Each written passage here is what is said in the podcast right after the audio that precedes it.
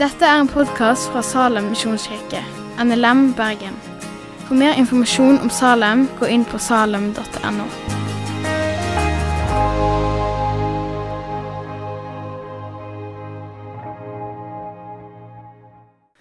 Året det er 2015.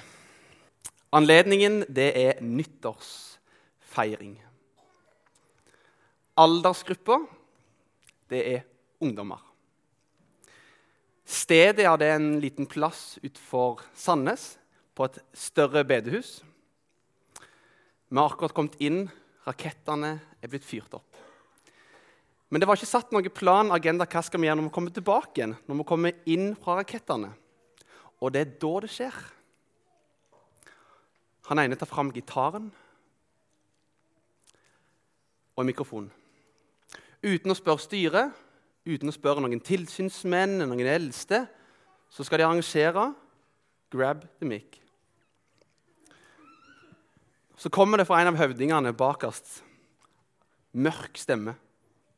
Akkurat kommet over stemmeskiftet. Bønnens Mitt hus skal være et bønnens hus. Så er det med enda mørkere stemme. Men dere har gjort det til ei røverhule.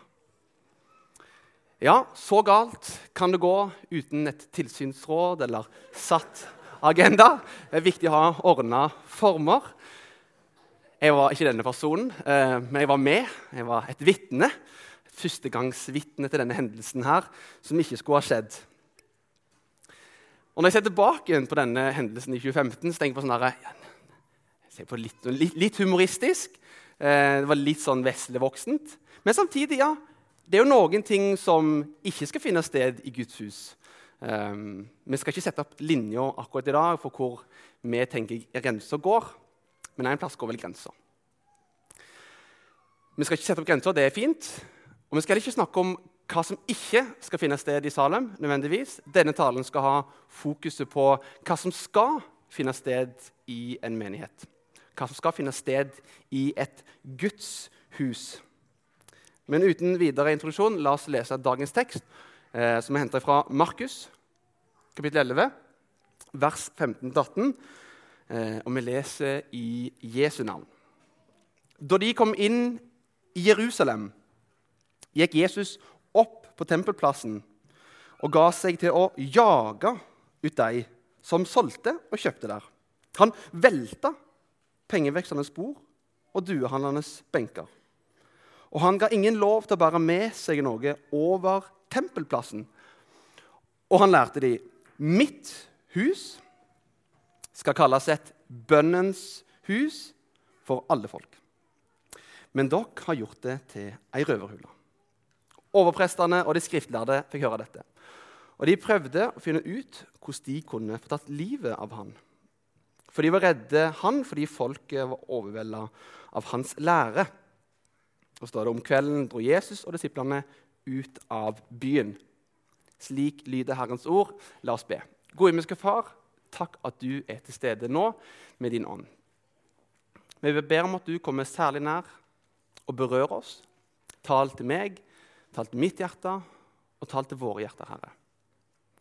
Vi ber som alltid at du må bli stor for oss. At du kan på en eller annen måte stige opp av teksten og vise oss mer av hvem du er hva de kirka er, og hva vi er, og hvem vi er. For riket er ditt, og makten den er din, og æren den er din i all evighet. Og alle sa amen. All right. Fremdeles i Markus. Kommet godt over halvveis. Eh, I kapittel 11 og kapittel 12 så kommer Jesus inn i Jerusalem. Jerusalem er tjåka fullt.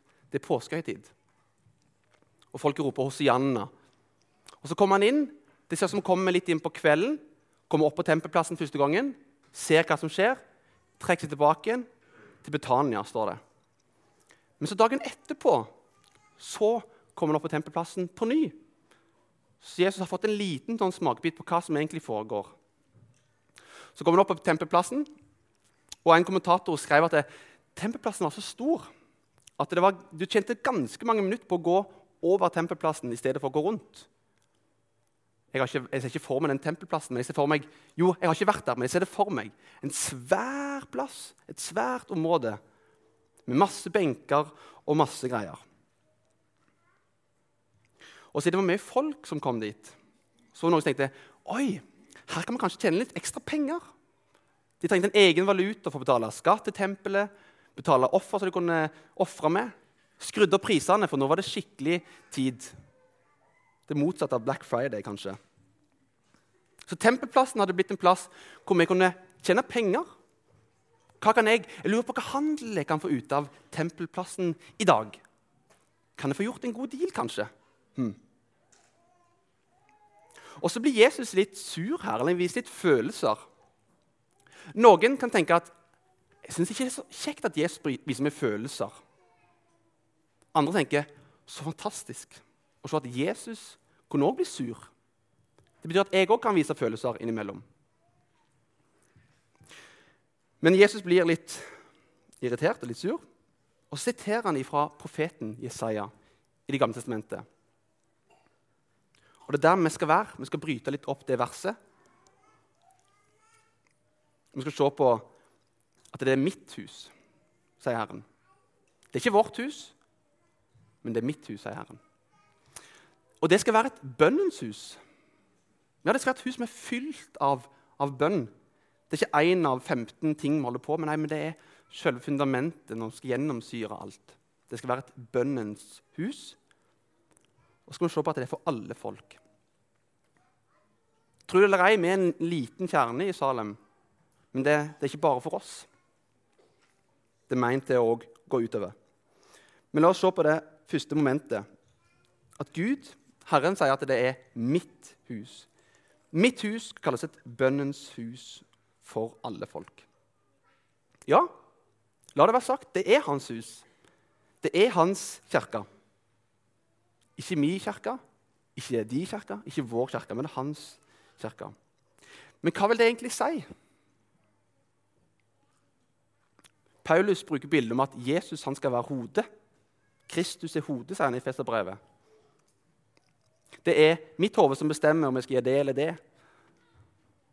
Det er hodet som sitter på toppen og bestemmer. Ja, Jesus han er hodet. Og i han, som er hans kropp, vi er kalt sammen i Jesus. Og sier Jesus ja, det er mitt hus. Men mitt problem ofte er at jeg tenker at det er mitt hus. Men det er hans. Det er Guds. Så det er det ene aspektet. Jesus er hodet. Han er hodet for denne kirka. Men så sier Jesus òg at han skal Jeg vil bygge min kirke. All right, Jesus, det er, du er hodet, og du bygger den. Hva i all verden, hva skal vi gjøre, da? Hva er min rolle, hva er vår rolle som menighet i denne sammenhengen? Jeg tror vi har en superviktig rolle. Mer om det en annen tale. Men en av våre første ledere, som heter Ludvig Hope, han ble spurt om kirka. Og Han beskriver kirka på denne måten. Kirka er et stillas som vi står på for å arbeide. For de av oss som har bygd, jobb, stått i et stillas og malt eller snekra, skjønner konseptet med et stillas. Det er superviktig for å kunne nå ut. Men hvis stillaset detter i en storm, det har ingenting å bety. Det er huset som står igjen, som betyr noe. Så vi bygger ikke Salem, la det òg være sagt, men vi bygger Guds kirke, Guds rike med stor K. Ok, Det er hans hus, det er hans kirke. Hva betyr det for sånne som meg og deg? Hva betyr det for oss som fellesskap? Det betyr at alt vi gjør her, det er gjennom Gud, og det er for Gud, og det er til Gud. Alt vi gjør, skal være til hans ære. Og jeg, Mange av oss er veldig glad i visjonen som vi har i Salem. Vi ønsker å vinne mennesker, bevare mennesker, utruste mennesker og sende mennesker. Til Salems ære? Nei, til Guds ære. For det er hans arbeid, det er hans hus, ikke vårt. Det er hans ære, hans hus, hans kirke, hans arbeid. Og vi er hans medarbeidere. Han er hodet, han bestemmer, og han setter retning. Vi var sammen med styret. Jeg har ikke stemmerett selvfølgelig på et styre, men jeg er med i styret. Og vi reiste et døgn bort trakk oss litt vekk. Hvorfor gjorde vi det, spør du? Nei, det er koselig, den ene. Eh, men det var mye viktigere grunn enn som så. For midt i en prosess i Salem der vi setter retning for hvor skal vi om fem år, og hvor skal vi om ti år. I denne sammenhengen hører du hvor galt det kan komme ut. Hvor er det vi vil? Nei, så Vi er så travle, da, så vi må komme oss vekk for faktisk å kunne høre Guds stemme. Opp til Kamskogen og så tune oss inn på Gud. Hva er det du vil? Hva er din visjon, og hva er din retning? Så Du kan gjerne komme og spørre meg og spørre styre og stab hva er det vi som enkeltpersoner drømmer om. Men det er egentlig litt likegyldig, for det er Guds hus, og det er Guds kirke, ikke vår. Så det første vi skal se på, som vi har sett på, det er Guds hus. Mitt hus. Så alt skal sentreres til det, og det er fra han, og det er til han. Det andre vi skal se på, er at det skal være et bønnens hus. Det skal bli kalt for et bønnens hus. Hva vil det si? Jo, det skal være det skal ikke bli kalt, men det skal være et bønnens hus. Vi skal være et sånt bønnehus. med. Vi skal være et bedehus. Hvor bønn ikke bare er en av disse tingene vi holder på med, men selve fundamentet for alt vi holder på med. Det skal gjennomsyre alt. Ofte tenker jeg så tenker vi at det er et supplement. Vi gir det litt der og litt der og litt der. Men når jeg springer til jobb, ja, da kan vi òg be. Når vi har stabsmøte, ja, så prøver vi å be. Styremøte skal vi be. Når du sitter med din ektefelle, ja, så ber vi. Det skal gjennomsyre alt vi holder på med, ikke et eget supplement. En bønn jeg har bedt i det siste, og som jeg ser mer og mer Å, Herre, hadde vi bare sett og visst kraften det ligger i bønn Herre, vi hadde bedt så mye mer. Og så ber jeg til Gud Gud tilgi meg for at jeg ikke ser hva kraft det er i bønn. På en konferanse i 1978, Lausanne-konferanse, for de som er kjent med det, så kom det en generalsekretær opp på talerstolen og så stilte han et ransakende spørsmål. Hvis Gud tok bort sin Hellige Ånd fra din menighet, hva ville skje? Ville alt stoppe opp, eller ville det hele fortsette som om ingenting var skjedd? Svaret du gir på dette spørsmålet, viser nemlig hvor avhengig du er av Guds ånd. Etter en liten pause kom det stille. Jeg frykter at mange menigheter ikke ville merke noe særlig forandring. Hvis så er tilfellet, er vårt arbeid halm og stråverk. Det kan nok ruve i terrenget, men det holder ikke mål når vårt arbeid skal prøves i Guds lutringsild. Wow! Det er utfordrende, det. Hvor viktig er det ikke at Gud og Guds ånd får den plassen han fortjener i våre liv og i vår menighet? At alt sentreres rundt han. Når møtelederne forbereder seg ja, vi må forberede det i bønn. Når lydteknikerne skal forberede seg, forberede det i bønn. Og når jeg sitter hjemme og forbereder prekener, ja, forbereder det i bønn. Eller går jeg i egen kraft? Alt må være forberedt i bønn. Så Det var det ene. Det andre jeg har lyst til å bare touche innom, er kraften i bønn. I Matteus 18 står det at dersom to av dere her på jorda blir enige om noe, hva enn det er, skal dere få det av min far i himmelen. Jeg skjønner ikke mang mangfoldet i dette. Men jeg som heter Oddvar Søvik, beskriver bønn på denne måten at når vi ber, så er det som at vi, vår kraft, min kraft, den går ut. Sånn at det skapes et tomrom for at Guds kraft kan gå inn. Ja, det er kraft i bønn. Det er ikke kraft i mine bønner. Men det er kraft i at når jeg gir fra meg min kraft, så kan Guds kraft komme inn. Det er kraft i bønn. Men hva betyr det for oss? At det skal være et bønnens hus? At det er viktig at Guds ånd er til stede? og at det er kraft i bønn. Det betyr at alle tingene vi holder på med, så skal bønnearbeidet være noe som definerer oss. Det skal være et bønnehus. Og så sier noen jo, men, men jeg kan be hjemme. jeg, Gjermund. Ja, for alt i verden. Ikke slutt å be hjemme. Du skal be hele veien. Men det skjer òg et eller annet når vi ber sammen. Når kristne kommer sammen og ber for noe, og ber i Jesu navn. Det sier at kristne ektepar som vi forsker på, de som ber sammen, de går sjeldnere fra hverandre. Og Det høres så ufattelig mye kulere ut på engelsk, men 'couples that pray together, stay together'. Ja, Det var mye kulere. Var det jeg visste. Men bønnen knytter sammen. Husk å be sammen med ektefellen din. Det knytter dere sammen. Og så tenkte Jeg på, jeg lurer på om det kan være sånn i menighet òg. At når vi ber sammen ja, Det skjer et eller annet jeg hører. Kan du be for bror min? Han kjenner ikke Jesus. Kan du be om at Jesus kan berøre hjertet hans, at han kan bli frelst? Eller tanta mi har fått kreft. Kan du be for meg? Gode venn, for alt i verden, ikke la være å si de bønneemnene i fellesskap. og hold dem for deg selv. For det skjer noe med meg når du deler bønneemner med meg. Kan det være sånn at kirker som ber sammen, holder sammen? Og I alt dette så er jeg så glad for disse nye bønnemøtene som er på undervisningsrommet hver tirsdag fra seks til sju. Hvis ikke Gud bygger huset, så arbeider vi forgjeves. Må det bli en prioritet når vi samles i bønn? Må bønnene får lov til å bli en prioritet? Og mest av alt må Gud bruke det, sånn at vår kraft går ut, sånn at hans kraft kan gå inn. Ja, og kanskje ved Guds nåde vi kan se at undervisningsrommet blir fylt til trengsel, og vi må ned her. Fordi vi ser en helt ny generasjon på kne framfor Gud og søker Han. Mitt hus skal kalles et bønnens hus, sier Herren, men det skal være for alle folk. Hva betyr det? Jeg tror det betyr at det er ikke bare denne gjengen her dette huset skal, er meint for, men at vi skal nå lenger ut. Jesus har gitt meg som enkeltperson, deg som enkeltperson og oss som menighet et oppdrag. Han sto fram, talte og sa, 'Jeg har fått all makt i himmelen og på jorda.' Gå derfor og gjør alle folkeslag til disipler.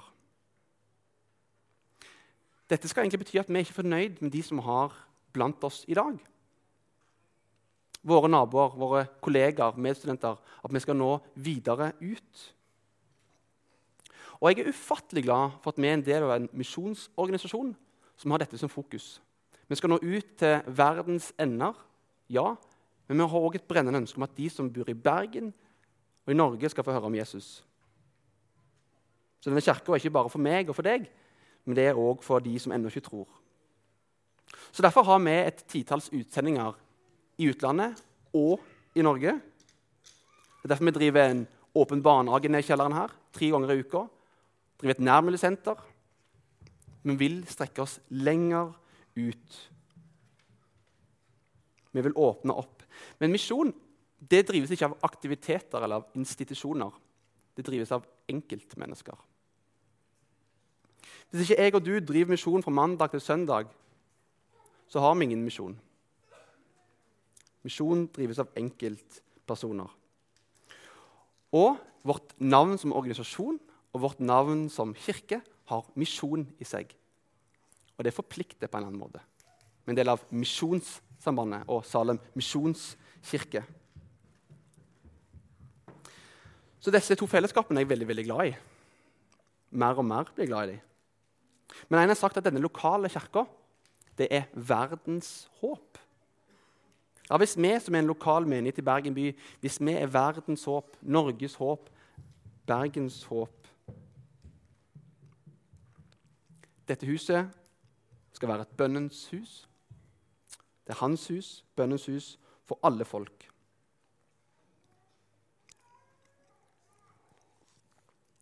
La oss ta et lite skritt tilbake igjen. Jesus er i Jerusalem. Tempelplassen er fylt av folk. Det som før var en plass for bønn, lovprisning og tilbedelse, hadde nå blitt snudd opp ned og gjort noe annet. Jeg hadde ikke lyst til å peke på enkeltting som vi gjør i dag, som vi må nødvendigvis trekke oss vekk ifra. Men jeg hadde lyst til å si at uansett hva det måtte være, kan vi ikke alle ta et skritt tilbake igjen til det som var utgangspunktet, og det som er primærtingen det vi holder på med. At vår kirke, våre gudstjenester, våre smågrupper, at alt skal sentreres rundt bønnen, lovprisningen og tilbedelsen av Han. Og hvor kommer en motivasjon til å skape en sånn type endring? Paulus skriver til sin gode medarbeider Titus i Titus 2, hvor han beordrer de om å skape litt forandring i livet. Så skriver han For Guds nåde den er blitt åpenbart til frelse for alle mennesker. Den oppdrar oss, sier Paulus, til å si nei til et ugudelig liv. Men kanskje også oppdrar den oss til å si ja til hva vi skal gjøre i vår kirke. Så skriver han den oppdrar oss, nåden oppdrar oss mens vi venter på at Jesus kommer igjen i herlighet. For Kristus ga seg sjøl for oss for å løse oss ut fra all urett og rense oss så vi kan være hans eget folk. Og med iver gjør gode gjerninger. Så det er nåden, det er det evangeliet som oppdrar oss, som skaper denne endringen i oss.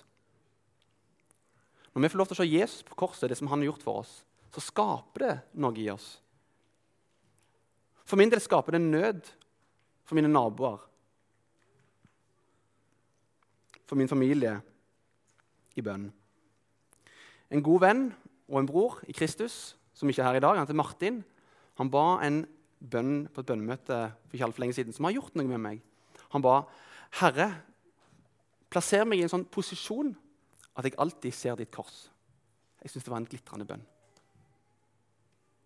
Jeg har tatt det med meg og ber for min egen del. Gud, plasser meg i en sånn situasjon, en sånn plass, at jeg alltid ser det som du har gjort for meg. Se ditt kors. Så bønn det er ikke noe som vi kan prestere. Tvert imot. Alt er gjort ferdig. Bønn er å slippe kraften ut, sånn at Guds kraft kan få lov til å komme inn. Tenk For meg som enkeltperson, og deg som enkeltperson, men òg for oss som kirke.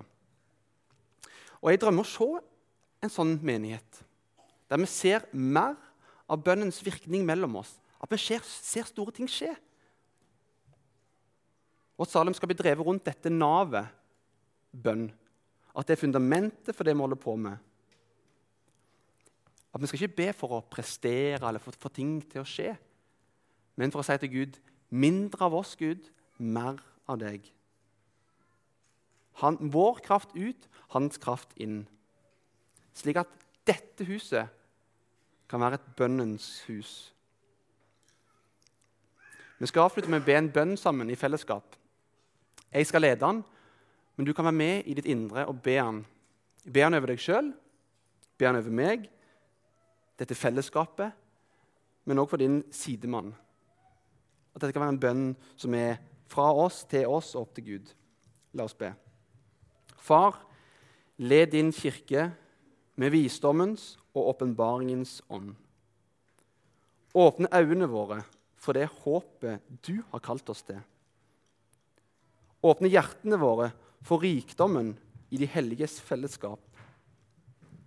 Sett oss i bevegelse med din veldige kraft og styrke, slik at vi, med hele den verdensvide kirka og med hele vårt liv, bekjenner Jesus som Herre, til din ære. Amen. Takk for at du har hørt på podkasten fra Salem, Bergen. I Salem vil vi vinne, bevare, utruste og sende, til Guds ære. Vi ønsker å se mennesker finne fellesskap, møte Jesus og bli disippelgjort her i Bergen og i resten av verden. Vil du vite mer om oss, gå inn på salem.no.